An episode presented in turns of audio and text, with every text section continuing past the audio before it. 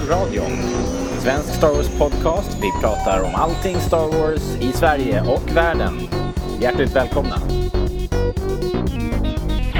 Ja, men hallå, det är en liten rapport från framtiden här. Eh, tyvärr visade det sig att vi hade lite tekniskt mankemang eh, första halvan av podden. Därför låter det som att Kristoffer sitter i en duschkabin första halvan av podden. Eh, det blir bättre. Så om ni bara krigar på och eh, lyssnar vidare så, så blir det bättre mot slutet. Eh, ja, då kör vi. Hej och välkomna till Rebellradion. Vi kör igång det nya året med ytterligare, det, det kommer bli ytterligare en spoiler-podcast här. Så att för alla som inte har sett The Force Awakens, eller för, för den av eventuellt någon lyssnare som inte har sett den. Så be aware. Eh, vi pratar om allting Star Wars här i detalj. Och eh, eftersom vi är i en värld nu full av ny Star Wars så pratar vi om ny Star Wars. Vi har ändrat konstellation lite grann. Idag är det Daniel här. Ja, Välkommen. tack så mycket. Och så har vi Kristoffer. Hej. Och jag är ju Robert då. Eh, Som vanligt. ja, som vanligt. Ständigt närvarande. Vem skulle det annars vara? Ja, alltså eh, jag är, jag är ju så här intimt förknippad med den här podden, antar jag. Men eh, inte utbytbar. Nej? Det tror jag inte för en sekund. Rätt vad det är så kommer någon, någon ny förmåga, någon yngre stjärna helt enkelt. Eh, Måste bara säga, du har ett jättefint Obi-Wan-skägg. ja, Alltså, jag, jag, jag kan inte sluta titta på det. och jag har också det här tupéflyget eh, igång liksom. Så jag ser ut som Old Ben faktiskt. Ja, lite Ja, faktiskt. Du tänker gå på audition för en eventuell Obi-Wan-film va? jag är redo. Bra. Om de ringer säger jag ja.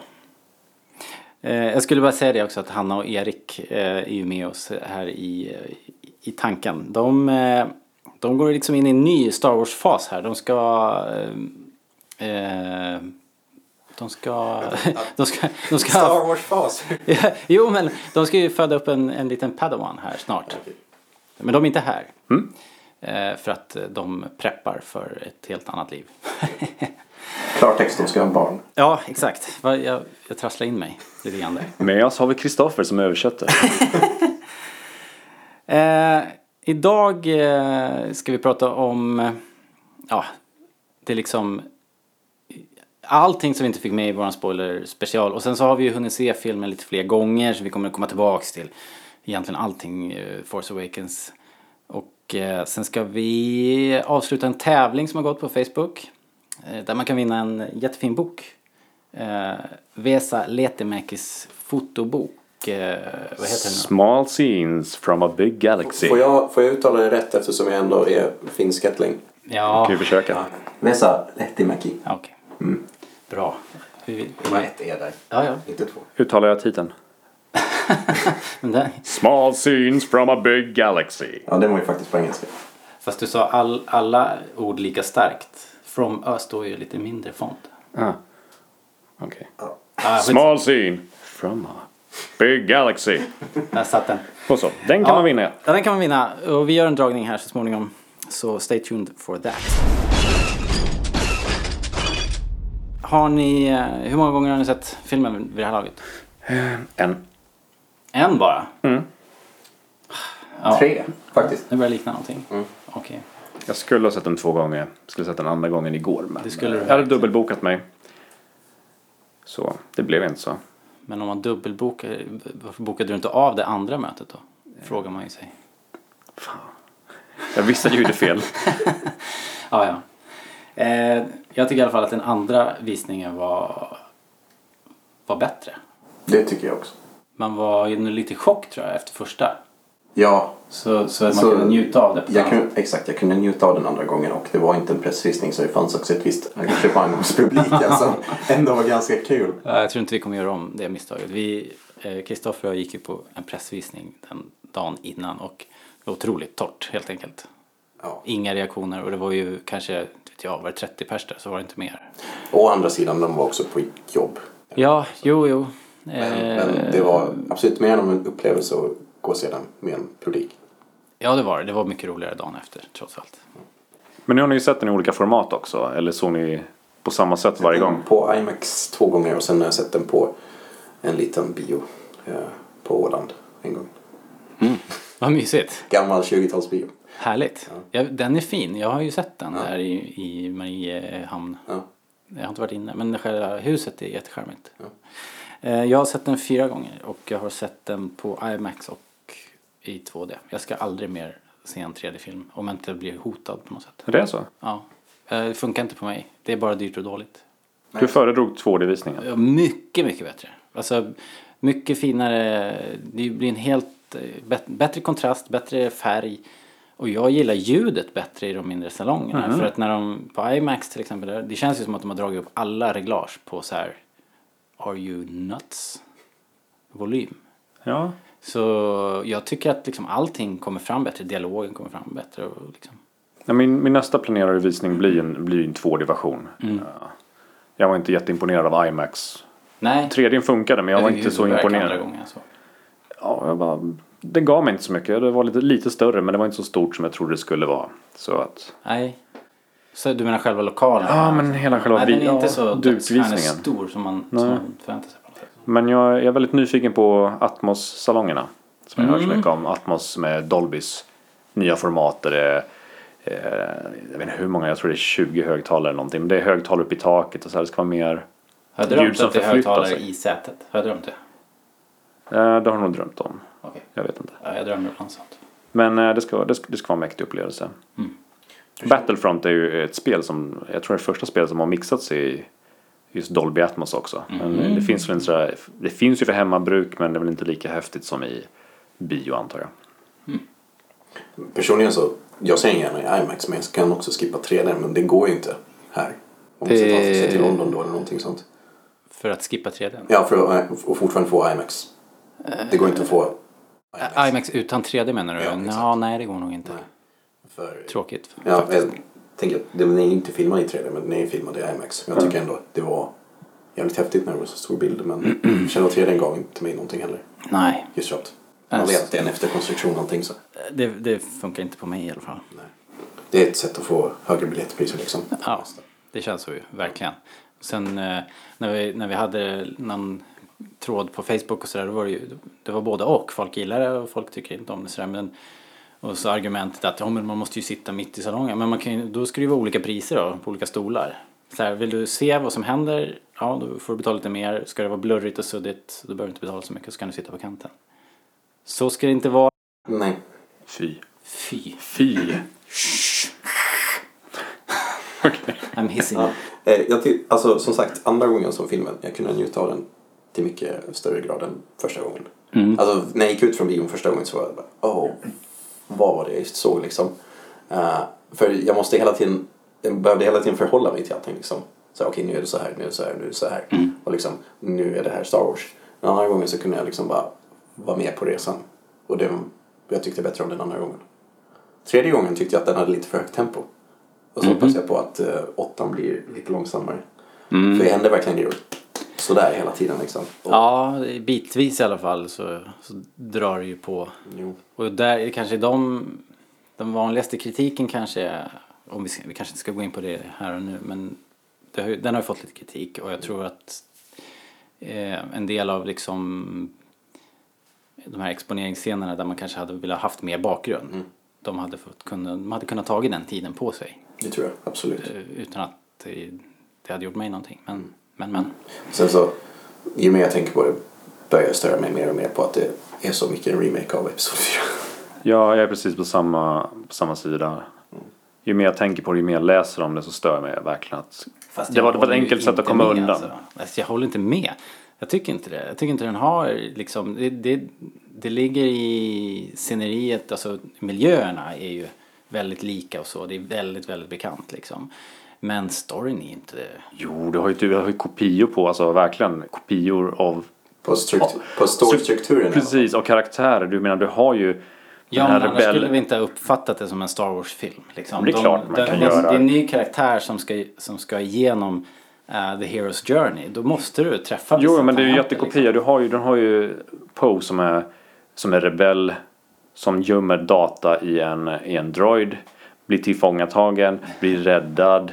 Jag menar hur, hur mer tydligare kan det är ju, det är ju Leia. Det är ju jätteleja. Typ Superleia. Eh, och du har sen, sen här så Ray är ju Luke-kopia. Fast på en ökenplanet drömmer sig bort.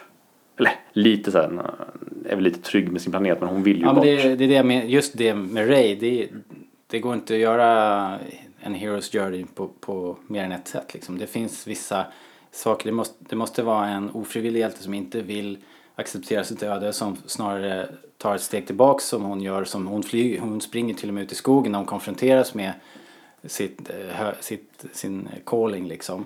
Och allt det här är ju är steg som är definierade i den här Heroes Journey. Det går inte att komma ifrån det. Det, Liksom. det är klart det går. Det finns ju likheter. Alltså, du har ju bara likheten på att hon, hon vet ju inte heller sina föräldrar vilka de är. Och Luke har ingen koll på sina föräldrar heller. Där är ju också sådana likheter. Det där skulle man kunna skippa. Man skulle fortfarande kunna Journeys, eh, alltså en Heroes Journey, vad heter det? Ja, en Heroes Journey. Ja, en Heroes Journey men- utan sådana detaljer. Sådana detaljer som är förkopplade med, med andra karaktärer som redan har funnits i samma universum. Det är för likt. Och det stör mig väldigt mycket nu. Ah, det stör inte mig alls. Inte ett smack. Jag tycker deras, deras livsöden, det enda som eh, gör att man tycker det är lite lika är ju att det är en sandplanet.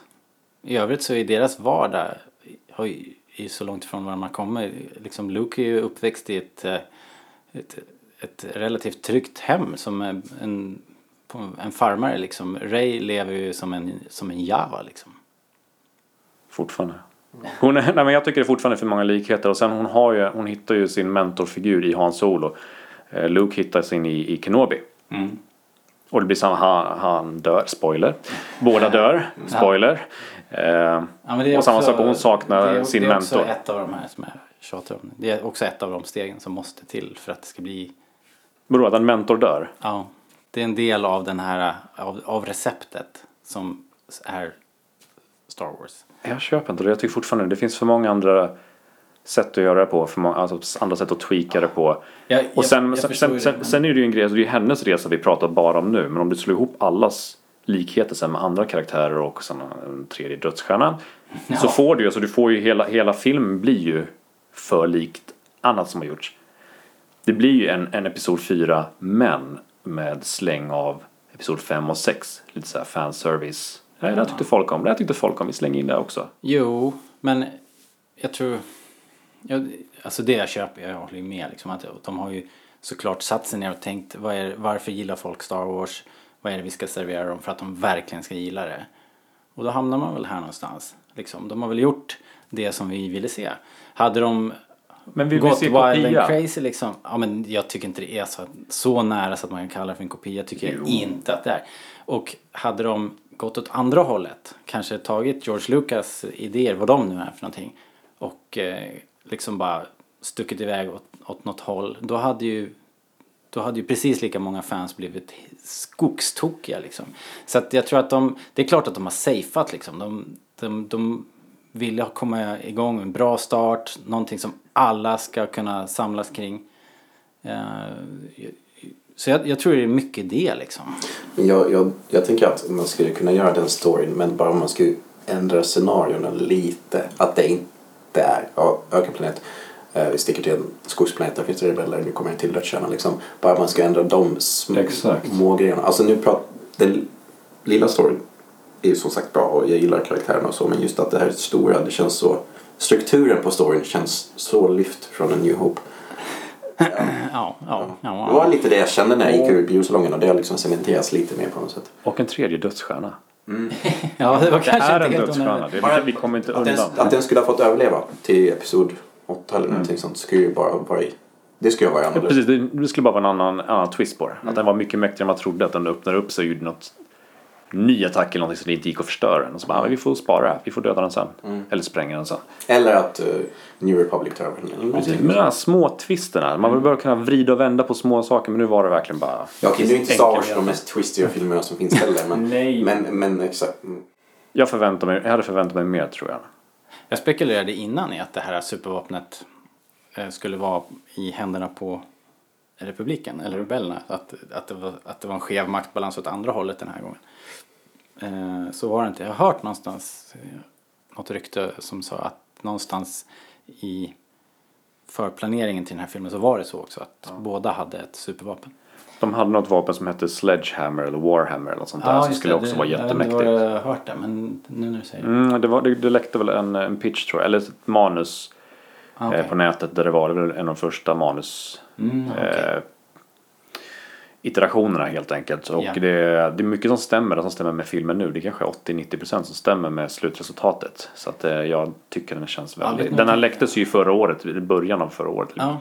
Vet du vad jag tänkte att vi skulle kanske, kanske nästa gång köra en så här, the year in review och lyfta alla de här knasiga, teori, eh, allt som läckte eller alla knasiga teorier och så här. Eh, och då kanske, kanske vi får be våra lyssnare om hjälp här och mejla länkar och knasiga teorier som kom under 2015 för att eh, då kommer vi få in mer helt enkelt än om vi ska leta rätt på det.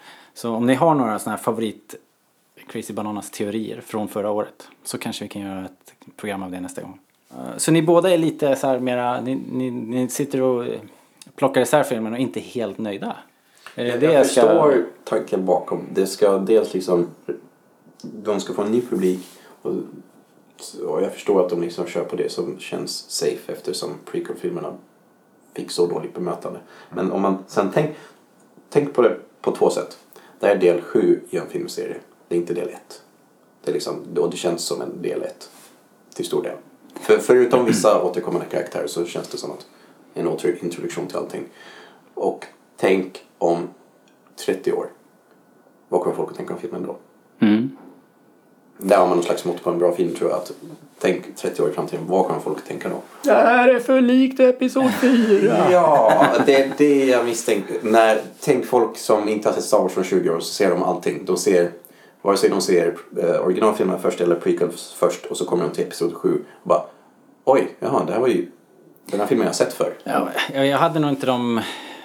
Jag har, nog inte de kraven på Star Wars. Alltså... Och vilken franchise liksom kan leva upp till de här eh, kraven liksom utan att för att om man förändrar för mycket om då kommer man utanför de hjulspåren som alla är bekväma med. Det känns inte som att man kan vinna liksom Nej. med den här typen av, av, av kritik riktigt. Så jag vet inte hur de skulle ha gjort det liksom. Det är klart man kan. Alltså det är inte själva så att storyn som är, som är Star Wars-andan. Star Wars-andan är ju settingen, hur de har gjort saker, hur karaktärer är på ett visst sätt. Inte själva storylinen. Det är det som är problemet. De har ju kopierat storylinen.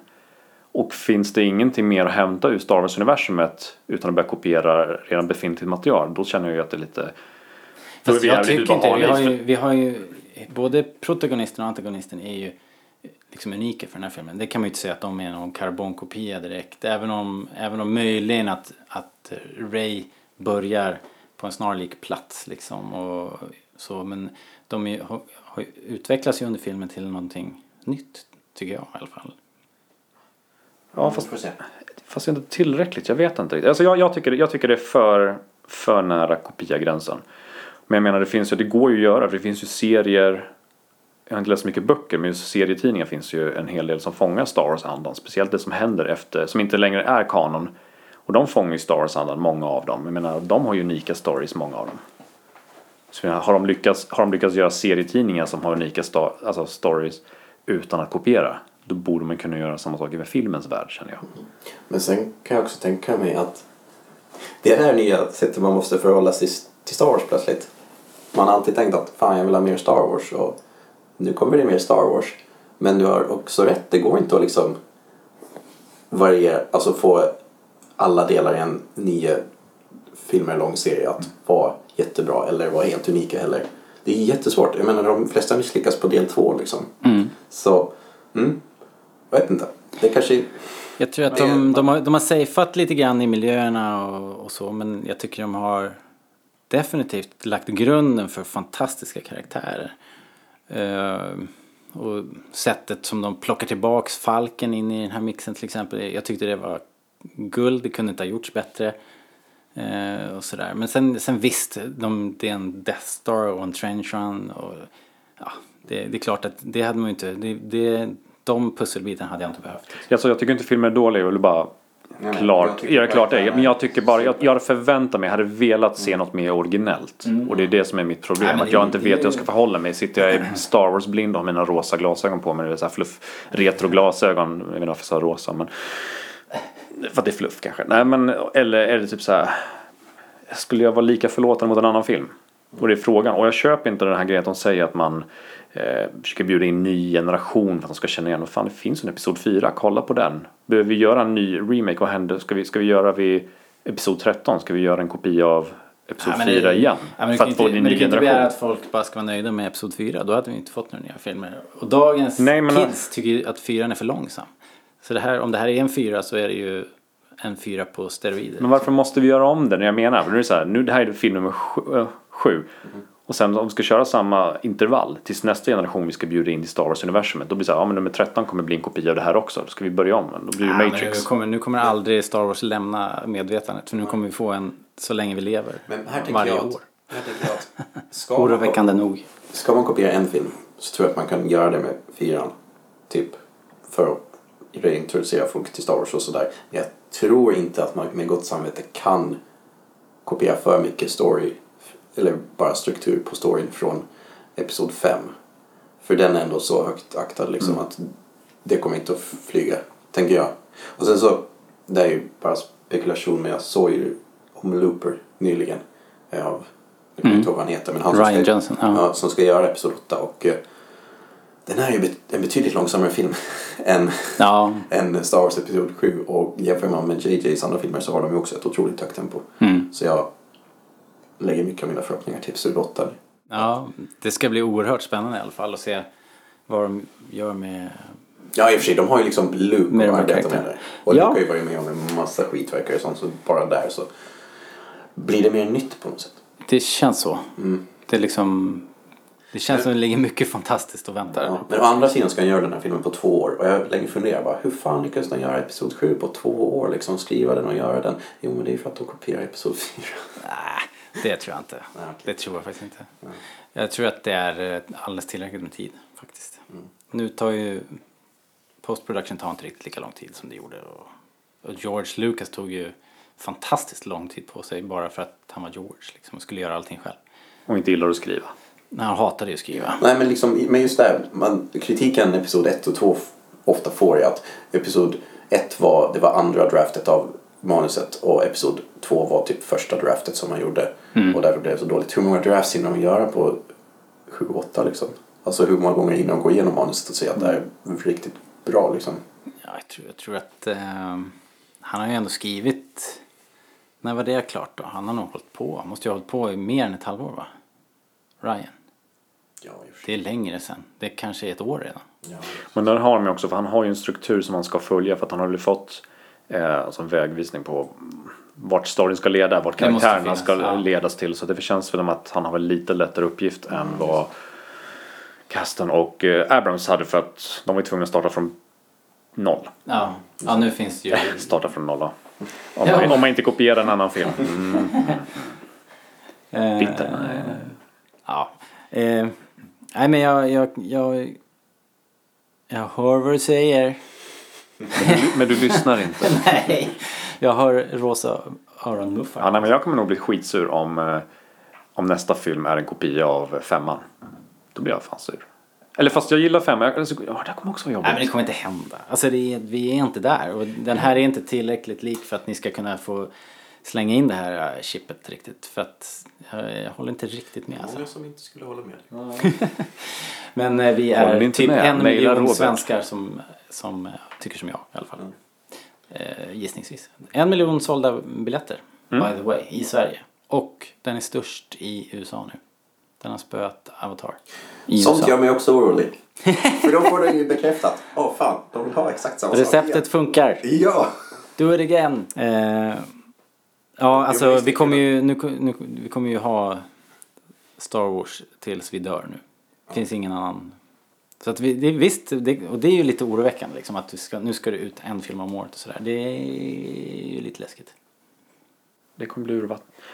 Jag pratade om det här för, med någon för någon dag sedan. Alltså, samtidigt som jag vill ha så mycket Star Wars som möjligt så känner jag så här. Jag är rädd att det ska bli så urvattnat som att jag kräks.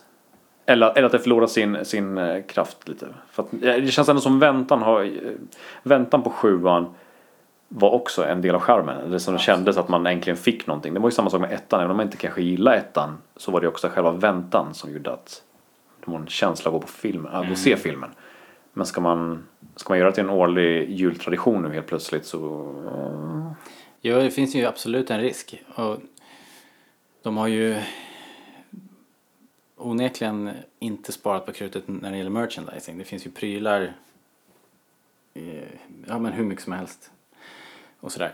Och eh, då gick, ju, gick de ändå ut och sa att de inte skulle liksom, mätta marknaden.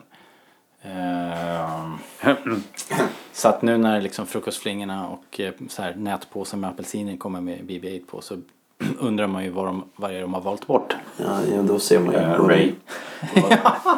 Hashtag where is Ray? Ja, men det, det var ju lite halabaloo om det här monopolet. Just det. Men, eh, och det är ju det är jobbigt att det är så. Men de skyller nu på att eh, de var bakbundna för att det var ju en plotpoint som de inte fick spoila. Eh, jag vet inte om det håller. Men det Ge kommer. henne en karaktär utan lightsaber. Eller hur? Kolla! Det hade de lätt Jag kunnat ger den gratis. Jag har inte betalt för den där idén. Helt otroligt att de inte kollar med dig först. Ja, jag är ganska upptagen. Ja, liksom vadå? Hon har ju du svarar inte när du inte ser vem det är som ringer. Exakt. Hon har ju sin stav största delen av vill bara ge, ge henne staven och Ja. gamla. Det är inget. Alltså, vadå? Vill man spoila någonting då skulle man ju göra Vader-karaktärer där det står I'm Lukes father på en liten skylt på ryggen och eh, utan mask. vadå, vad är problemet där? Eh, Snack överallt. Ja, ja det är skitsnack. Och det är jättetråkigt. Det är väldigt konstigt. Och vi har sett eh, många konstiga exempel på liksom leksaker där de har ex- exkluderat Ray på så här helt... Alltså man blir gråhårig när man hör det liksom. Men det var väl bundles som haft med Stormtroopers och eh, Vader. Av alla, av alla karaktärer som har haft Vader med i den här bundle med olika karaktärer från Force Awakens men inte Ray. Det känns ju jävligt konstigt. Det, eh, jag tror att de cashade in där också för att det var ju tänkt att eh, i den här Force-scenen i Maskanatas eh, slott så när hon har sin flashback då skulle hon, det finns liksom, eh, jag vet inte om det spelades in men då, skulle hon se Luke Skywalker och Darth Vader i den här eh, Ja just det, det Force. läste jag. så att på så vis har de ju kunnat klämma ut en massa, det är därför det finns Darth Vader actionfigurer och sådär. Ja, säger de i alla fall. Men Darth Vader är en stor säljare. De vill alltid ha honom på, ute svingandes på peggarna. Eh, ja, ehm, vad var vi? Vi pratade egentligen bara om vad vi tyckte om filmen.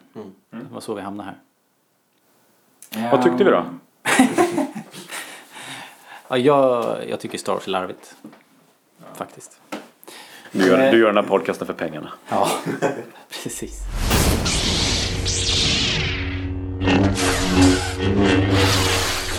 Om vi ska prata lite karaktärer kanske vi kan börja med en fråga jag fick. Mm.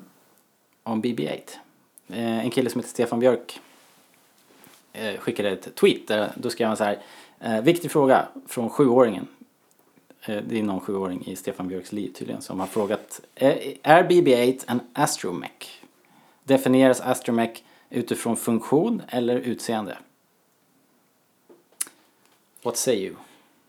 Han är en astromech. Ja. Ja, Ja. men vad är definitionen? Definitionen är funktion. Funktion?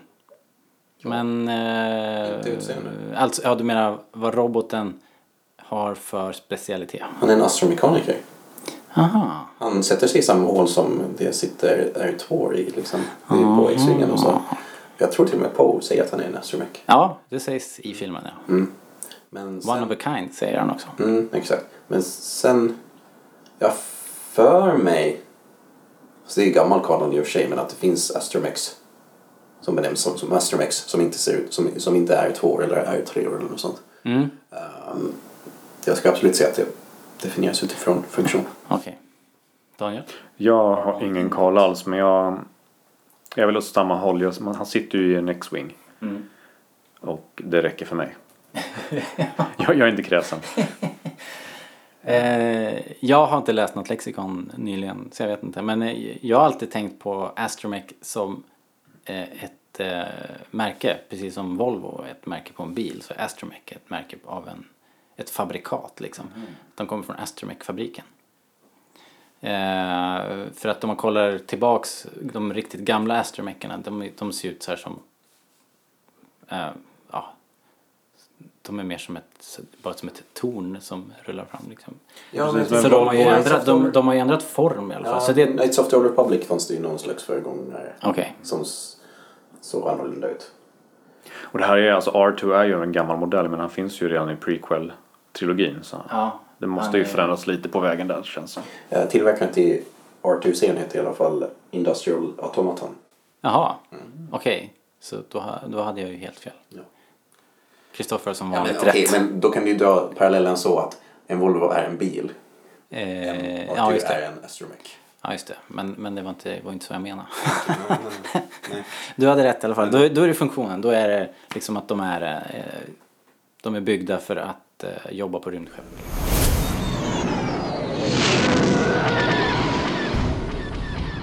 Eh, andra karaktärer som vi tänkte vi skulle snacka lite mer om det var ju Kylo Ren.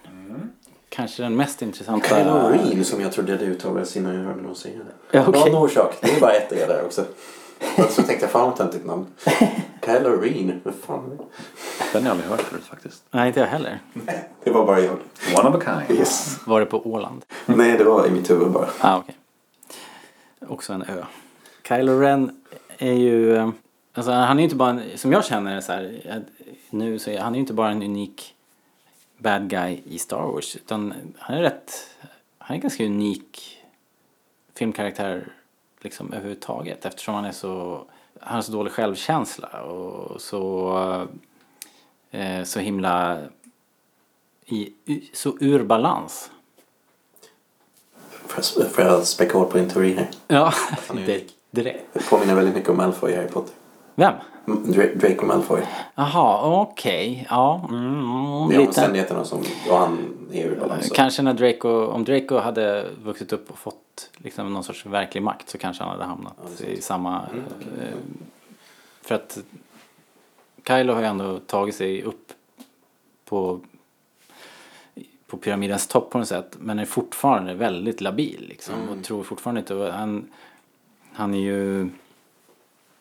Den här slitningen som finns i honom liksom att han dras till goda fortfarande fast han uppenbarligen är en tyrann och en krigsbrottsling så, så liksom kan han inte riktigt skaka det där av sig. Men det är väl skillnaden också för att han är ju otränad. Andra skurkar vi haft har ju varit eh, Sith Lords eller kejsare eller alltså väldigt Ja. mer, mer vältränade i kraften och sådär. Han ju- känns ju fortfarande ofärdig. Han är ju, han är väl ungefär vad Anakin var kanske någonstans mellan två och tre känns som. Eller ja. Om ens det. Så att det är väl det att han har ju fortfarande en resa. Han har inte bara nått toppen och sen ska stå där och försvara sin titel ungefär. Det känns som att han ändå har en resa till. Och han kanske flippar ut ännu mer. Han kan ju förändras ännu mer. Ja, vi får väl se om det går åt det hållet eller om, eller om han nu blir stöpt i samma form som Vader och kanske de andra. Om det nu är Sith vi pratar om här, vi kan vi komma tillbaks till kanske. Men Mm, Dark Jedi jag räknas han som tror jag. Det borde vara så. Jag har läst boken eller lyssnat på ljudboken och där får man, där får man lite mer insight. Han är ju, han är ju väldigt slit, sliten mellan det ljusa och det onda och han är rädd för att, det framgår ju i och för sig i filmen, han är, han är rädd för att eh, Snoke eh, känner av det. Att han är, han är liksom rädd för att bli bestraffad för det liksom.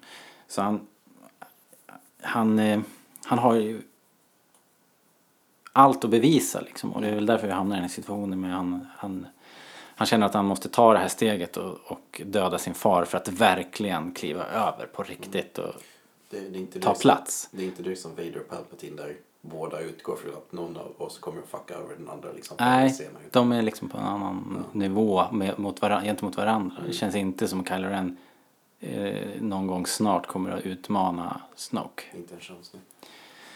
Eh, I boken också så framgår att när Kylo Ren eh, dödar Harrison Ford, höll jag på att säga. Är Så- han med i boken? så, eh, så liksom så får han inte den där bekräftelsen som han hade hoppats. Han kände direkt att liksom jag, han, han får inte eh, belöningen direkt. Det är väl klart Kylo, din lilla dumbo. I could have told you that. ja. Upp på ditt rum och tänk på det. Precis. Eh, Men tror ni att, tror ni att hans resa, hur, hur tror ni Kylo Rens resa kommer se ut nu då? Kommer han att svänga över och bli god? Kommer, kommer det sluta med att han eh, får upprättelse och- eller att han gör, gör allting bra igen och, och går över på den ljusa sidan? Jag- Jag tror det kommer att vara det slutgiltiga målet med trilogin. I Ep 9. Ja, att eh, få Kylo tillbaks. Men jag tror att under tiden så kommer han utvecklas till någon Eftersom han inte fick den här bekräftelsen nu, men han är ändå så djupt inne i det så han kommer att utvecklas till någon väldigt motvillig skurk liksom. Egentligen. Han, han vill ju, men han har den där kluvenheten inom sig att Mm. Det var kul om det blivit en liten byte där. Och att Ray blir mörk. ja, Att hon går över till mörka sidan och blir tvärtom. Mm. Det hade jag ju en som en liten prediction innan.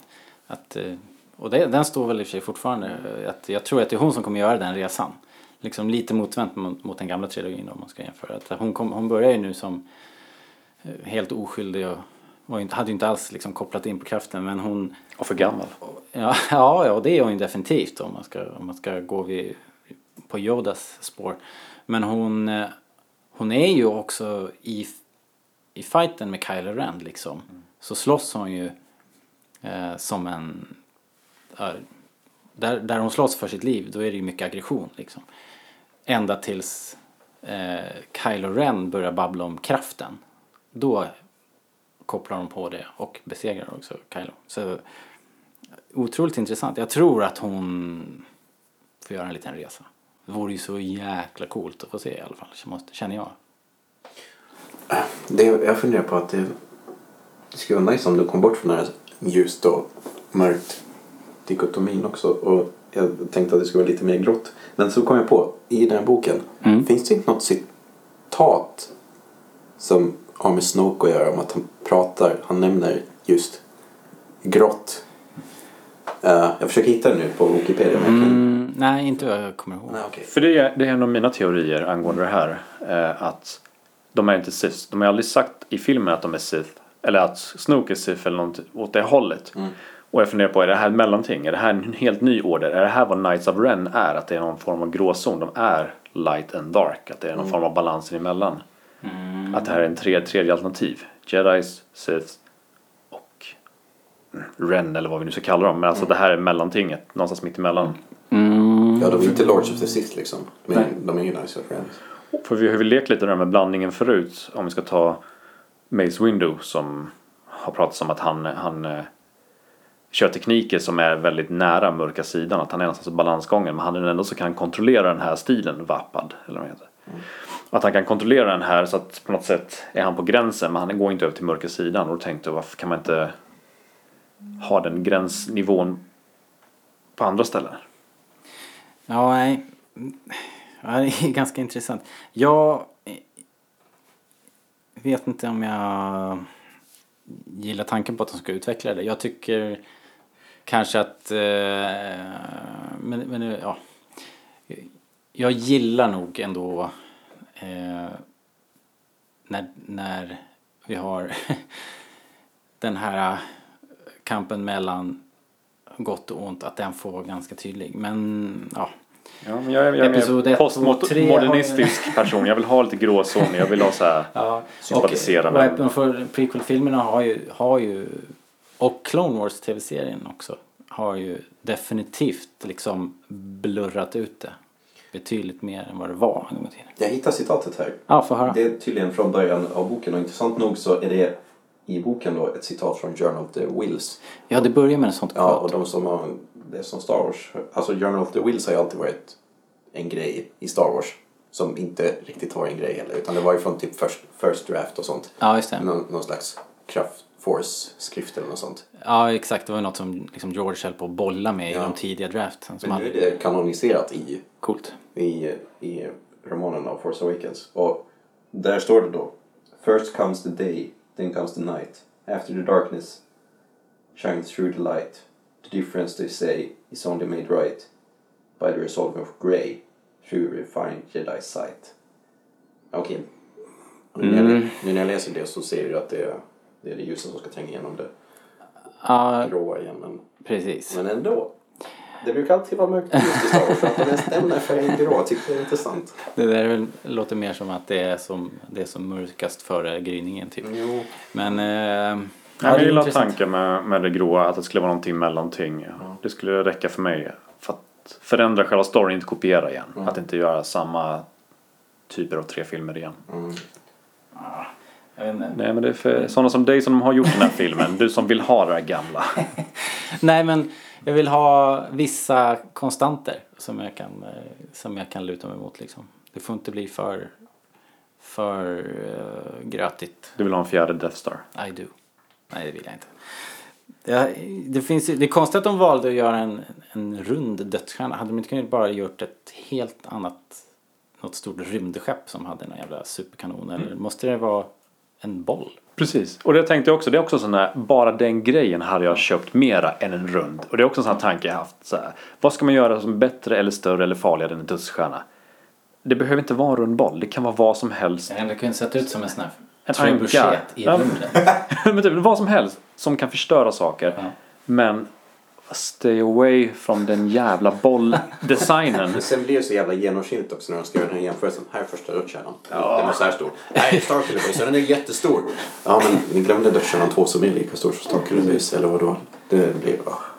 Ah, ja, ja. Ja, Ja, ja, ja. ja. Förlåt. På med skygglapparna nu. Bring that information again. Um, undrar om vi ska eh, starta ett litet ett dokument, ett sån här um, prediction document inför framtiden här så vi kan komma ihåg vad vi har sagt. för någonting. Ja. Tycker jag. Det? Någon måste göra det bara. Mm. I'm looking at you guys. Yes. Ja. Ehm, Okej. Hade ni något mer roligt att säga om, om Kylo Ren? Ehm, jag ändrar nog mycket av min uppfattning. För sist minns jag att jag var väldigt kritisk mot honom. Jag var väldigt skeptisk för att jag kände att han kändes som en dålig skådis eller väldigt brattig. Ja, du gillade inte Driver Nej, men han har, han har växt. Jag, Ju Mm. mer jag funderar på det ju mer känner jag att jag, jag, jag ändrar nog sida. Jag, jag, jag gillar honom. Jag, Ja. jag gillar, gillar den här osäkra eh, sidan. Att han är som den vilsen. Att han är mer vilsen Mm. helt enkelt. Jag gillar att han inte är färdig. Åh, du måste ju gå och se den igen Daniel. Jag ska. Ja, Ja, vill du vara barnvakt? ja. ja. Anytime. Däremot så hade de väldigt schyssta konceptbilder på Eh, jo, det hade de Om, visst. du, det. om vi ska snacka kopior så var det kopior där. Ja, men det vad, var vad, häftigt. vad är det det- vi pratar om här nu? De hade konceptbilder på um, en karaktär som hette Jedi Killer. Och som jag, jag antar blev, alltså det blev en utveckling till Kylo Ren. Och han hade, det fanns väldigt bra idéer till, eh, till hjälmarna, eller till masken. Som var lite Vader-liknande. Och tanken bakom det var ju väl att eh, alltså en Sith-dräkten så skulle, alltså Vader skulle inte vara en unik dräkt. Det skulle vara en särskild design på Ja. dem. Och det, det var den som de tog till Vader-dräkten och det tog de även till den här Sith-dräkten som han skulle ha. Ja. Eller Jedi Killer-dräkten. Det kan jag i och för sig köpa som idé. Att det måste ju, designen till Vader måste ju ha kommit någonstans ifrån. Precis. Och det var lite så här, jag vet inte, närmsta liknelsen kan komma är väl lite, är det Fifth Brother han heter i Rebels? Mm. Den där Ja. sista avsnitten han nu. Eh, lite åt det hållet med den hjälmen, lite samurajaktiga hjälmer. Ja. Stil så här Mm, med mm, mm. hängande kläder. Jag kommer inte ihåg riktigt men det Ja men nu vet jag vilken bild du menar också. Den har vi, den har, har jag postat på Facebook tror jag. Ja. Sedan. Men just själva ansiktet med munnen här, ögonen och sånt var väldigt Vader-likt. Och jag gillar den. Det kändes lite samurajigt. Mm. Och ja, det band ihop på något sätt. Det band ihop det här hela designgrejen. Så jag gillar den. Ja, Men det gjorde ehm, inte Kristoffer. Nej, alltså jag, jag, bara, jag är redan trött på konceptet för alltid, alla Lords i all slags expanded universe har alltid de har alltid haft någon slags mask eller någonting som täcker ansiktet så jag tycker det är lite gjort redan bara. Ja det är det ju verkligen. För det måste man ju säga. Ja. Det är ganska krystat att de alltid måste ha är Därför tyckte jag en var så, respirator. ja, därför var det så nice att Kylo fick ta sig hjälmen. Ja det och så jag var han relativt snygg under. Han var inte ett monster liksom. Nej. Men sen fick han det här i slutet då förstås. Men alltså han fick ändå se ut som en människa under största delen av filmen. Ja, precis. Det tycker jag. Det var inga, inga avkapade eh, händer eller fötter. Är det sant? Ja. Shit, det har jag inte tänkt på. Inte en enda. Märkligt. Disney! Ser ni? Det är inte en kopia. Men det är väl ingen som förlorade i fyran heller. Jo. Säg det till Walrus Man. Ja. Säger jag bara. Ponda Ja, just det. Ja, Okej. Ja, Nu måste jag titta på filmen och kolla efter avhuggna händer. Ja. Det var Eh, inga 138 heller antar jag. För det är George Lucas signatur. eh, Inte vad jag vet. Jag har inte riktigt haft de glasögonen på när jag kollat. Men, men nej, precis. Det är ju en George-grej. Så att, kanske inte. Räknas en blodig hand på en hjälm? Eh, nej. Det är hand och skadad. Okej. Om den hade flugit av och träffat honom i ansiktet. Då hade det varit okej. All right. jag, jag återkommer när jag sett de filmen fick, igen. eh, de fick göra om det. För de ville inte ha så här, PG-18 rating. Du ljuger. Hörni, eh, Snoke då, är det... Darth Plagueis. Nej, Det är inte. Darth Plagueis. Varför inte det? du. Serkis sa att det var Ja, det. för att han säger det.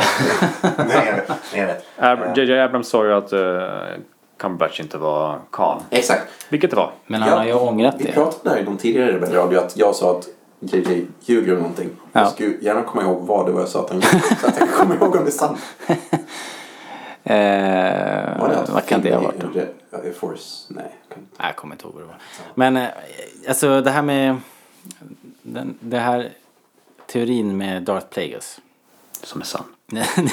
den är ju helt barock. Varför det? Plagueis blev, blev ju dödad. Ja men kom igen. Ja. Lorden som var känd för att kunna leka med liv och död och kunna skapa död och lura döden. Det är Du bara, tycker- du tycker det är det, är, jättekonstigt det är bara en massa han- märkliga böcker som du har läst. Du tycker det är jättekonstigt att han skulle överleva av Ja. alla människor. Det tycker jag faktiskt. Ah, ja. Eh, det finns ingenting som talar för att det är Plagueis. Det finns jättemycket. Vad tror ni om de här bilderna nu då? Att det är massa, man jämför ärren på Anakins ansikte och ärren på Snokes ansikte. Nej. Nej. Ni, ni är inte beredda att gå så långt? Nej. Nej. Nej. Nej, det, Det känns som man kan göra det på bättre sätt i så fall. Det ska vara så. Med helt Det annan vore ju röst. märkligt. Och... Ja, och sen vad, vad skulle det komma ifrån liksom? Om de klonar Anakin så kommer han inte tillbaka med ärr i facet. Nej, precis. Och nej, nej, jag köper inte att den uh, Anakin. Även om jag tror någon gång i framtiden så kommer de klona Anakin. Men vi har ju fått veta lite mer om Snoke i och med boken. Ja, lite grann mer att han är en eh, politisk figur och inte liksom... Ja, ja. Eh, Det är inte som att han verkar i skuggorna utan han är ju en, en maktfaktor i, i det här universumet. Och var verksam under klonkriget. Eh, ja, det har jag. Då måste jag somna till just vid den. Eh, Så man kan ju inte heta Snoke om man är jättebad guy. Det går inte. Men Vadå, Palpatine heter Sheev i förhållande? Ja, men varför han kallar sig för Palpatine? Ja, för men jag känner en kille som heter Palpatine. Jag Han, också. han är inte genom ond. Okej. Så att det, det ja. Det, det, är någon sorts gråskala. Ja, ja. Nej, men jag, nej, jag håller på den teorin. Han är, All inte, right. han är inte Snoke. Det är för mycket hittepånamn. Att, att han heter det. Men Man kan ju inte heta Snoke, kom igen. Du kan ju inte sitta på en tron som är jättebra och, och vara jätteond och heta Snoke. Alltså. Kan, du- kan du tänka dig, kan du tänka dig, ja, men kan du tänka, kan du tänka när Ray blir så här, eh, Okej, så du menar att, du menar att han, det är bara ett alias han använder? Jag tror det är alias. För, tänk, tänk när Ray kommer fram och så blir framputtad bara nu ska du få möta Snoke. Snoke, that's your name. Och inte ta det på allvar. Yes, I'm supreme leader Snoke. Man, men det. Jag tror bara att det är otur att, att det betyder någonting på svenska. Men På engelska också. Gör det? Vad betyder väl ingenting på engelska? Vader, Revan, Palpatine, Snoke. Ja, du, du hör ju, hör ju. Alltså på riktigt. Det funkar ju inte ihop. Nej, okej. Eh, jag har inga teorier. Jag, jag, jag, jag köper ju bara allting face value. Det jag ser, det ser jag och så är det. Eh, Jag, jag, jag har inte hört några teorier som jag gillar i alla fall hittills. Så jag tycker att det mesta som har kommit fram så här folk på nätet som säger att ja, det är bara en rip-off av Episod 4. Det är bara trams. Du tycker det? Ja. Men ska vi prata om Snoke? Eh, nej men eh, jag har nog inte så mycket, eller så många fler teorier än att jag tror att han är något nytt av, alltså att den inte är en Sith. Det är något, jag, tror, jag tror det är gråskale-teorin på något sätt. Att det är någonting mitt emellan. Eh, Han verkar i alla fall ha funnits i liksom hovrat runt Skywalker-familjen och hade ju enligt boken ehm, liksom zoomat in på, på Ben tidigt och valt ut honom. Liksom. Ja, Han verkar ju också vara någon, bara utgående från filmen, någon som är medveten om läget i galaxen och också är, kan vara orolig för läget i galaxen. Till skillnad från Palpatine som bara allting går som jag planerat. för jag har planerat att det ska gå så. plan. Så känns ju Snoke som en lite mer dynamisk karaktär kanske. Mm. Ja, han har makt men Men han är vis. Mm. Som en viss Darth Plagueis. det är wise. Ja. Ja, men jag tror, jag tror han är lite mer Men har de kontakt. ensam rätt på det eller? Man kan väl vara vis? Nej. men eh, nej, men nej. Det är för mycket som pekar på det. Och jag tänker hålla, All right, all right, all right. jag tänker hålla på det tills eh, John Boyega säger att det inte är Darth Plagueis. Då tror jag på det. För han kan verka reko. Ja. Eh, Vilket är, förresten han är väldigt rolig att följa på eh, på Instagram, sociala medier överhuvudtaget, Ja. intervjuer. För det är, så, det är så kul hur han försöker få folk att tro, eller tro att eh, Harrison Ford är hans bästa vän. Har ni sett dem? Ja. Alltid bara By the way, Harrison Ford is my best friend. Så, det är så jäkla roligt just deras eh, kemi mellan varandra och hur de leker runt så här. Ja, han... eh, Men Harrison Ford säger ju bara att han inte känner honom. Ja, precis. Men det är det som är roligt. Och han fortsätter. By the way, Harrison Ford is my best friend. He's over there. Så, I don't know. nej, jag, jag gillar Boyega. Han är, verkar vara en skön typ. Ja, verkligen. Och så, härligt att han är det här superfanet och bara så jävla exalterad över att ha, befinna sig mitt i smeten. Det är roligt. Eh, det här med Ray då, som, om vi ska prata mer om karaktärer. Hon har ju fått eh, kritik, eller ja, det har kommit kritik om att hon är sån eh, perfekt och kan allting liksom och det är orimligt att hon har de här skillsen med ljussvärdet och, och ditt och datt. Ehm, En Mary Sue. ja, precis. Eh, precis, det, det, det. Om man kollar på internet så är ju, alltså rent krasst så är det väl en karaktär som är för bra på allting till den grad att den blir tråkig. Men sen brukar, när jag har kopplat med Mary Sue brukar också vara att det är en så kallad self-insert karaktär. Liksom att det är författarens eget ego som kommer där och bara sätter in sig själv i princip som den bästa och vackraste och liksom mest kompetenta karaktären. Fast Som ja, alla karaktärer bara- som Jon Guillou har skapat. Ja, men, typ. men man kan också bara se det som en karaktär som är för bra på allt. Så. Och det är en kvinnlig karaktär. Manliga motsvarigheten var Gary Sue. Ja, Gary Stu. Gary okej. Ja. Ja, alltså det är, jag tycker det är tråkigt att det ens kommer upp för att hade det varit hade det varit Finn som hade de här skillsen så tror jag inte det hade varit en issue överhuvudtaget. Jag tror att det är bara det det handlar om faktiskt. Att folk, folk är inte vana vid att se en, en tjej i den här rollen riktigt. Eh, faktiskt, jag, jag tror det, är bara det. Alltså Men att- det är många som ifrågasätter just det. Alltså. Ja men alltså det, ja, det, det tycker jag ser överallt att de tycker det är konstigt att hon kan eh, liksom ta en fight med Kylo Ren och allt det här. Men jag menar eh, det, det är ju liksom inte konstigare än att Luke Skywalker helt plötsligt kan flyga en X-Wing och spränga dödsstjärna. Så här. Så det är första gången han är ute och flyger. Liksom. Eller en sjuåring kan köra podrace som ingen Ja. annan människa kan. Nej men precis. Eller att uh, Luke överhuvudtaget överlever i en duell mot Darth Vader. Och Darth Vader är ändå mycket mer kompetent än Kylo Ren. Ja, ja precis. Så Okej, han fick handen avhuggen men alltså han överlevde. Ja, han överlevde Han fick smisk. Ja. eh, två gånger väl dessutom.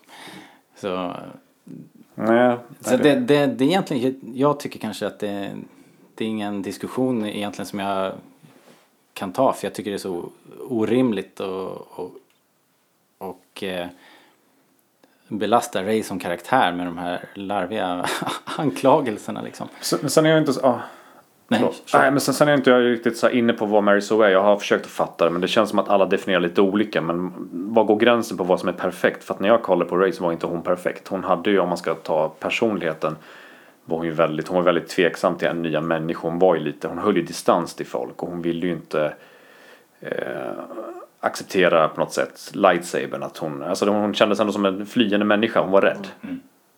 Och för mig är det, det är inte att vara perfekt. För då har hon bara alright en lightsaber, jag plockar upp den, okej. Så här.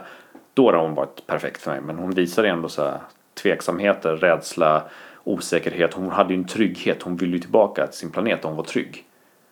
Det var ju inte perfekt på något sätt. Alltså känner inte jag. Det där är min definition av att Nej, det hon hade något som Alltså, inte var, gjorde perfekt. Eh, skulle man kunna säga att Mary Sue-konceptet är alltså någon sorts Fröken Duktig-grej? Att man är, så, man är så bra på allting så att man blir tråkig. Ja, men Alltså, typ. Är Som ju väldigt löser kompetent allting. liksom. Ja, på vissa Sen- sen saker så är hon ju ultrakompetent. Folk liksom. invänder mot att hon är kompetent, det kan ju säga en sak. Men sen, å andra sidan, vi vet ju inte vem hon är heller liksom egentligen. Nej, Och kraften är ju i någon grad ärftlig. ja, Så, jag menar, vi har inte hela bilden heller. Så. nej. Är hon en Mary Sue? Nej, tycker jag. Eh, nej, det tycker inte jag heller. Och jag tycker att eh, även om man är det så, så, eh, så är det den eh, hjälten som världen behöver helt enkelt. Mm. Okej, jag, säger, jag tycker inte hon är Mary Sue. För just om man läser definitionen vad det är så känns det väldigt subjektivt. Det är verkligen upp till vad folk tycker är perfekt. Jag känner att jag har en helt annan bild än vad andra har på vad som är perfekt. Så att för mig är hon inte Mary Sue. För andra kanske hon är det. Men jag känner att jag hittar saker som inte är perfekta. Ja, Om jag ska behöva alltså sitta och kritisera hennes personlighet, vilket jag inte vill göra. Men jag, tycker han är, jag tycker hon är super. Jag bästa älskar allt med Ray. Liksom. mm, hon är bästa karaktären i filmen i alla fall. Ja, eh, ja, det skulle jag nog också säga. Och så Kylo Ren som är, är så, som fantastisk karaktär liksom. Så jäkla explosiv. Jag tycker att ni dissar Unkar-Plutt lite väl hårt här. Unkar, Unkar Plutt. Det är väl titeln till åttan. Revenge inte... of the Plutt. Vadå, har ni inte sett läckan? Nej, fan, shit. Revenge of the Plutt. Plutt och Snoke. On a journey. Imagine Plutt on a journey. Where are you taking this thing? Prisoner transfer from cell block 1138. I wasn't notified. I'll have to clear it. Om vi bara skulle eh, köra ett litet snabbt eh, runt bordet här då. Vem tror ni att Ray är? Vad är hennes legacy? Jag gillar ju idén med att hon är en Kenobi på något sätt. Kenobi? Ja. Okej. För det kom ju en teori om att hon är en Kenobi på något sätt. Ja, det var någon som har skrivit ihop en eh, ganska och, eh, invecklad. Ja, och eh, jag menar, det ska ju fortfarande vara väl Star Wars. Att det alltid rör sig om samma familje eller släkte liksom. Mm. Men samtidigt som det skulle bli... Jag vet inte. Uh, en Kenobi tränar en Skywalker som sen... Nej, nu tappade jag... Att det blir omvänt nu, att det blir Ja, en Skywalker som tränar en Kenobi. Ja, exakt. Ja, det är lite roligt. Ja, det är lite roligt men jag sätter Men då skulle det behövas vara en generation emellan där. Då skulle alltså, då skulle Ben behöva ha träffat... Nej. Nej, det kan ju vara syster eller någonting. Jag vet inte. För jag har, svårt att, jag har svårt att känna att han helt plötsligt när han är i exil bara ah, fuck this jedi thing. Typ. Jag går och träffar en tjej. Han höll ju hårt på det. Det var ju typ, ska ju, det finns ju rykte om en Obi-Wan-trilogi. Då måste jag ha någon slags relationsdrama där. Nej men jag känner för han var väl ändå är ganska mycket oroligt. emot det här. Han var ju mycket emot det här. Det var ju alltså Anakin följ för det här. Det känns som han... Men han tillät det hela tiden också. Men sen Jo, kanske men han alltså- rannsakar sig själv också. Dels hade han ju haft en... en eh, han var ju i en relation med Satine. Det är kanon. Eh, du, Mer än vad jag visste. Ja, du har inte sett hela, hela Clone Wars. Så det, han har en, en gammal flamma helt enkelt. Ja okej. Och sen så om man sitter fast på Tatooine i en 20 år så kanske man hinner utvärdera situationen och ändra sig. Ja, när det inte jag. finns någon jedi-order att förhålla sig till liksom. Nej, och, och Jedi-orden misslyckades ju med allt. Så att då kanske man måste ta ett, ett, eh, ett litet eh, organisationsmöte där och eh, tänka om. Ah, det känns inte som karaktär men okej. ja.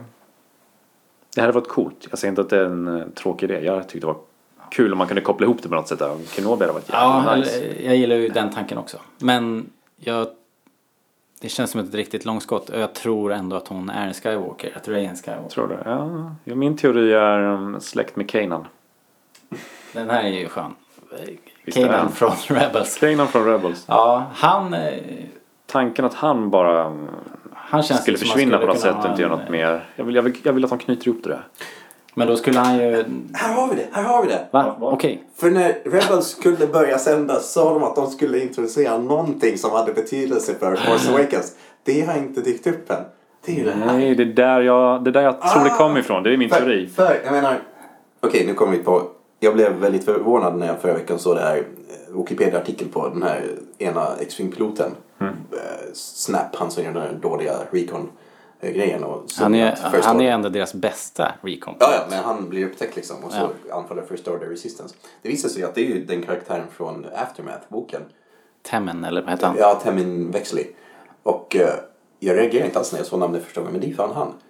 Och då kan jag tänka mig att Aftermath såldes ju under eh, sloganen att den skulle introducera saker som är med i Force Awakens. Och det var väl han då. Eh, och sen, det var någon till sak. Jo, det ryktas ju om att eh, Max von Sydows karaktär Lorsan Tekka, som han heter, att han skulle ha en betydande roll i Commodore Rogue One. Och då ser man ju att där försöker de verkligen koppla ihop grejer. Mm.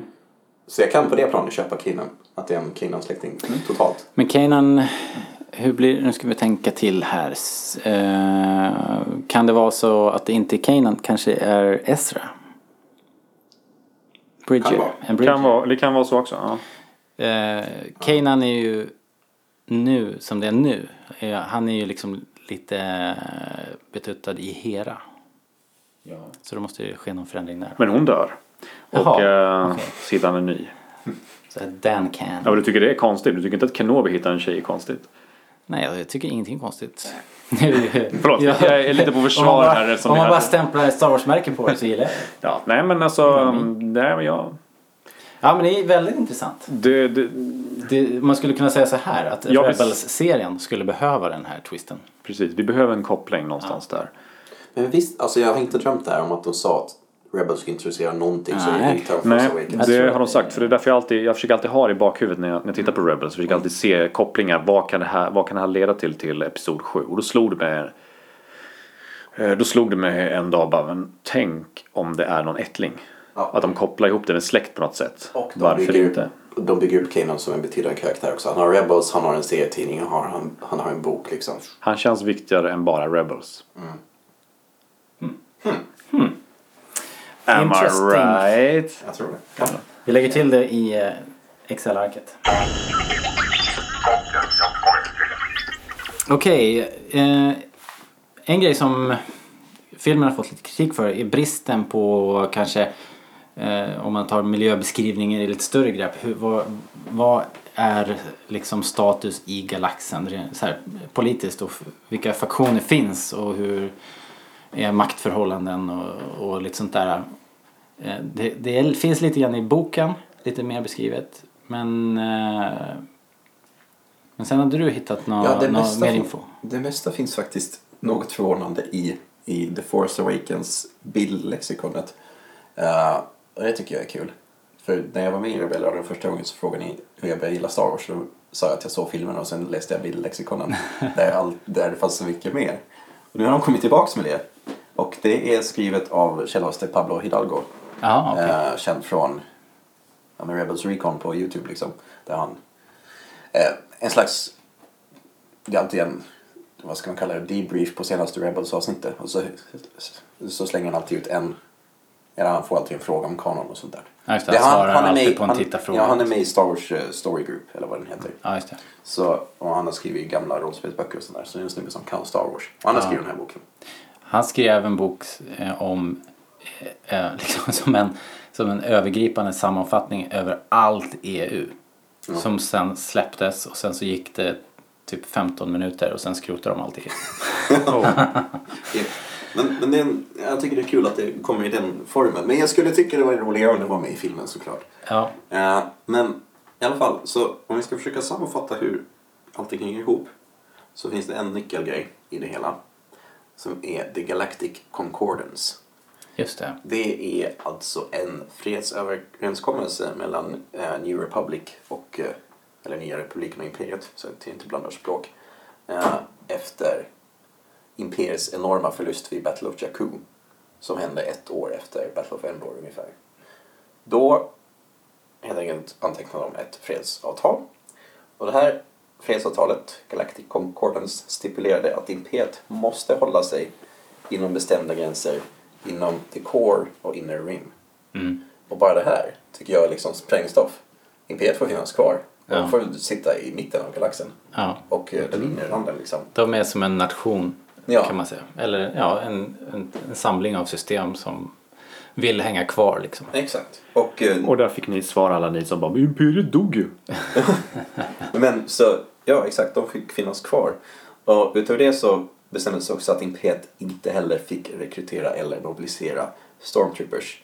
Och eh, som en följd av det här så övergavs ju många, många, många eh, akademier.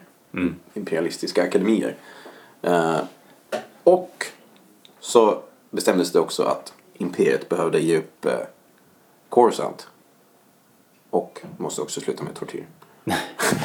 Som en liten slutknapp. Ja. Det framgår tror jag, kanske i boken också då att de får inte, i, i det här fördraget så är det, de, de får ju inte Inga stormtroopers, de får inte, och de får inte bygga stridsmaterial och sådär. Så de får, så att nu när vi kommer in i den här nya filmen, Episod 7, då har de ju redan brutit mot det här fördraget eftersom de har byggt Starkiller Base och de har byggt nya Star Destroyers. Och det förklarar lite grann varför, ja det kanske kommer här. Okej, okej, Ja. sorry. Jag Ja. trodde det var någonting som var utanför. Lugn.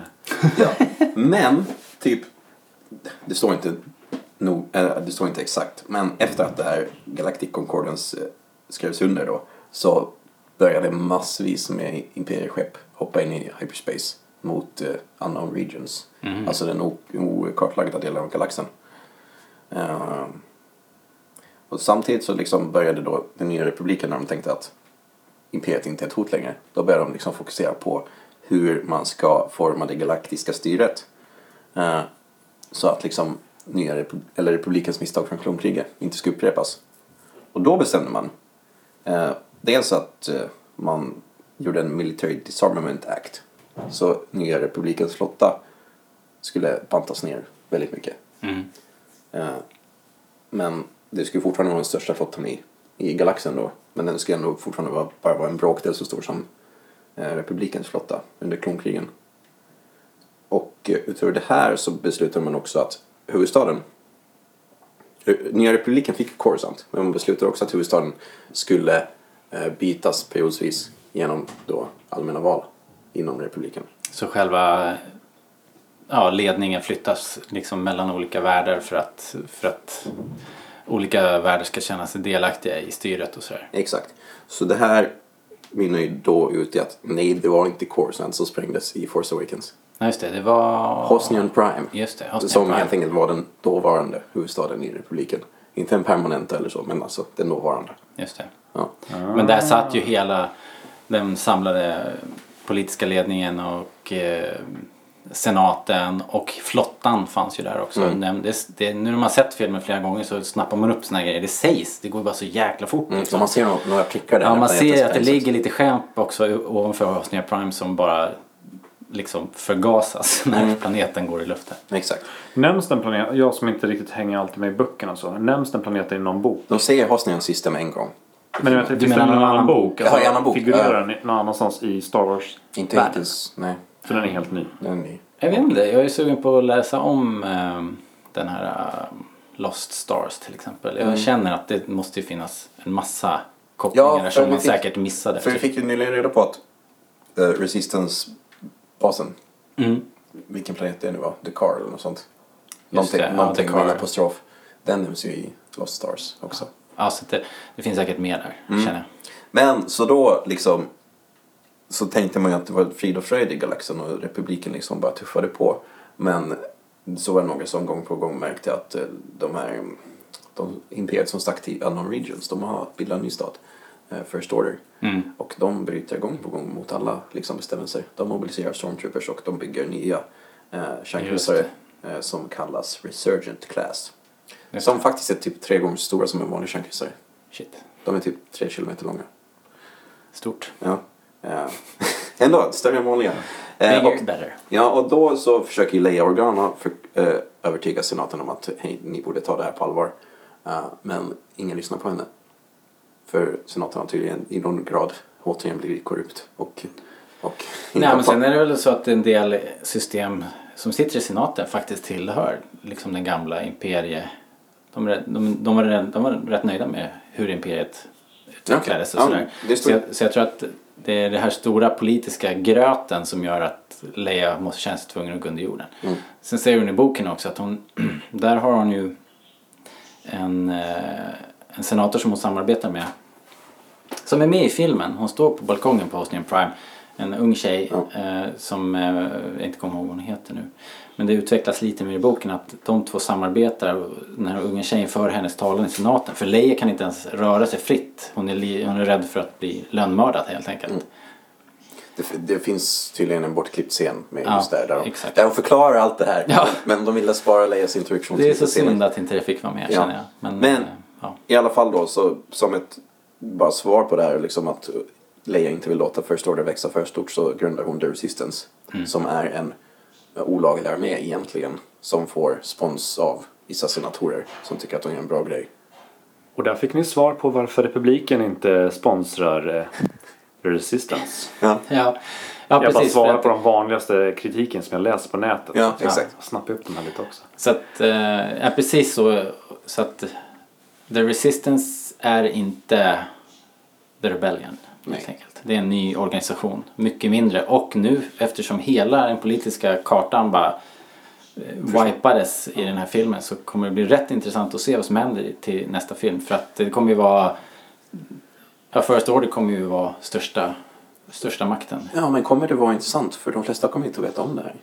Det politiska läget. De bara, oh, det är rebellerna fortfarande som slåss mot Imperiet. Så vadå? Ja, fast eh, man kommer ju kunna sätta historien då i liksom att den, ja, den ytterpyttelilla liksom, eh, organisationen här, de slåss för sin överlevnad, liksom jagade av det här nya imperiet. Så att, eh, Då kanske man new idén med att eh, de andra ska ha ett supervapen också. mm, The good guys. kanske. Men, Det vore ju på tiden. men tycker ni att det här är information som borde varit med i filmen på något sätt? Absolut. Jag tycker att de skulle ha utvecklat lite mer. Det hade varit skönt. För Men jag tror kanske att det är vi som är så här, som, vi som läser böckerna och det, som har, vi saknade ju det. Men jag tror att eh, Nej, min son och min fru kanske inte. Som, Ja, men det skulle kunna tas på folk- två meningar. Ja, och folk jag har pratat med som, eh, som, inte, alltså, som inte läser böcker eller någonting, inte bryr sig mer än om filmerna. De har ju haft det som kritik. Vi, Jag fattar inte det här, jag förstår inte det här, varför tog de inte upp det här? Och oftast brukar jag, jag brukar oftast försvara mig, men det här kan man läsa i böckerna eller på nätet eller någonting och då blir folk sura. Men jag vill inte läsa det här på böckerna, jag vill inte läsa det här på nätet, jag vill ha det förklarat i filmen så jag förstår dem också. Man ska inte behöva köpa eh, mer material för att få veta det här. Känner jag, eller jag, jag kan hålla med dig, även om jag gillar att gotta ner med det här. ja. Men som sagt som som Kristoffer säger, alltså, det här är ju någonting man skulle kunna säga i monolog eller dialog på alltså mindre än en minut. Ja, men den bortklippta scenen. Typ såhär bara, vi- ja men typ, väva in det snyggt bara, ah shit nu måste vi varna republiken som aldrig har trott på oss. Nu är inte jag manusförfattare här men, men på ett väldigt fint sätt. Nu måste vi varna dem för att de har inte trott på oss att First Order gör, alltså då har man fattat läge direkt. Det behöver Ja. inte så mycket mer. Man behöver inte ha en förtext som förklarar allting. Eller? Ja, men man förstår ju på något sätt att First Order, okej, de är en extremare version av Imperiet. Men Resistance får man inte riktigt något grepp om. Man tänker, väl rebellerna fortfarande, men rebellerna ska inte finnas. Sådär. Men min teori är att det, jag tror det hela har att göra med lite typ beröringsskräck för bara politik i Star Wars Ja, efter prequel-filmerna. Att de fick kritik för att det var för mycket tråkig rymdpolitik. Men visst, man kan tycka att det var för mycket, men det här skulle inte behöva mycket för att förklara det här läget. Nej, det hade inte skadat att sätta kartan liksom, innan man börjar svinga sig i lianer. Exakt. Och sen är det konstigt också att 1, 2, 3 handlar om republikens fall. 4, 5, 6 handlar i alla fall i någon grad om att återställa den republiken. Och sen är republiken bara något som nämns som där borta i sjuan liksom. Jag tycker det är konstigt. Mm. Ja, det, det kanske är min enda lilla kritik mot, eh, mot filmen faktiskt. Att eh, de tog eh, bort, de, de har gjort något felklipp här. Men, Men, svaren ja. på hur allting ligger till finns uppenbarligen och i alla fall. Det är väl cirka 20 minuter som är bortklippt och om jag har fattat det rätt så snackar de om eventuellt en extended version i uh, Ja, Blu-ray-släppet. Inte hört något om någon Inte? extended. Det Nej. kan vara så missuppfattat men Extra material Ja. har de sagt. det skulle Det jag... Ja. alltid funnits många bort, bra bortklippta scener i typ Revenge of the Sith också men, men Star Wars har sin grej att det ska inte vara mycket längre än två timmar. Mm. Liksom. Så, så Jag ska gärna se det. skulle ju vara en first. Absolut. Ja. visst, det hade varit nice. Så där har ni det. Där har vi det. det och det är superintressant. Där fick ni. Vi lägger länkarna då i show notes som folk vill läsa på lite på, Ja. på det här. Jag, jag har beställt det där bildlexikonet nu också för att jag vill, fan jag vill sitta. Ja, du har inte det? Nej. Jag såg det här- framför det här- mig du Nej, nej, det här jag bara läst. upp i soffan med din tjej och läste Nej, det Wars politik. det är bara saxat från Wikipedia det mesta här. Men Okej. jag, jag, vill, jag brukar ju bläddra i de här böckerna när jag Jag har beställt eh, The Art of. Mm. Eh, Star Wars De är också väldigt intressanta alltid. Jag, jag har inte sett något faktiskt. Eh, jag hade beställt den från typ Bokus och så var jag på science fiction-bokhandeln och då stod den ju där och lockade och pockade. Men jag sa bara nej, jag ska inte titta. För det kommer snart hem. Så Men- jag gått in. Och så kom den inte. Så när jag kom hem typ så hade jag fått en e-post från Bokus. Bara, nej tyvärr, den här boken finns inte. Sist. Så då gick jag tillbaks till science fiction-bokhandeln. Då var det slutsålt. Nu har jag beställt den från Adlibri, Adli, Adlibris istället. Och eh, förhoppningsvis kommer den. Eh, ja, det ska bli nice. Hörni, apropå böcker. Eh, så har vi ju, vi har ju haft en tävling på Facebook. Man kan vinna den här fina boken som vi sa, Small Scenes from a Big Galaxy. Small scenes from a big galaxy. Just det. Av? Så, Vesa Lehtimäki. Just det, ja. Eh, och eh, det här kommer sig av att vi intervjuade ju Vesa Lehtimäki. Vesa. Vesa. Vesa. Vesa. Eh, den här fotografen. Och, eh, och eh, då fick vi den här boken som vi skulle kunna skänka bort till er helt enkelt. Mm. Och Som gör legominiatyrer. vad ni skulle, vad skulle ni, ni skulle göra? Ni skulle skriva ett Star Wars-citat. Och sen så lovade vi att vi skulle dra en vinnare här. Vi har faktiskt Har alla ni- på en hatt här. Har ni alla här är liksom alla era, alla era namnlappar. Det är Robert som kliar sig i skägget. Nej, det är det inte. Det här är ju en sån här fin eh, eh, Harrison Ford-hatt. Där vi har lagt alla lapparna. Eller Det vad heter många han? lappar. Indiana Jones heter han. Det är många lappar. Vi kan ta ett kort på lapparna. Det är supermånga lappar. Jag tar, ju- Ja, ta ett kort. Vi har blandat. Daniel, eh, dra, dra en vinnare. Och jag tittar bort, jag tittar bort, jag tittar ja, bort. Du får inte läsa för det. Vi tar den där. Okej. Och då kör vi... You came in that thing. You're braver than I thought.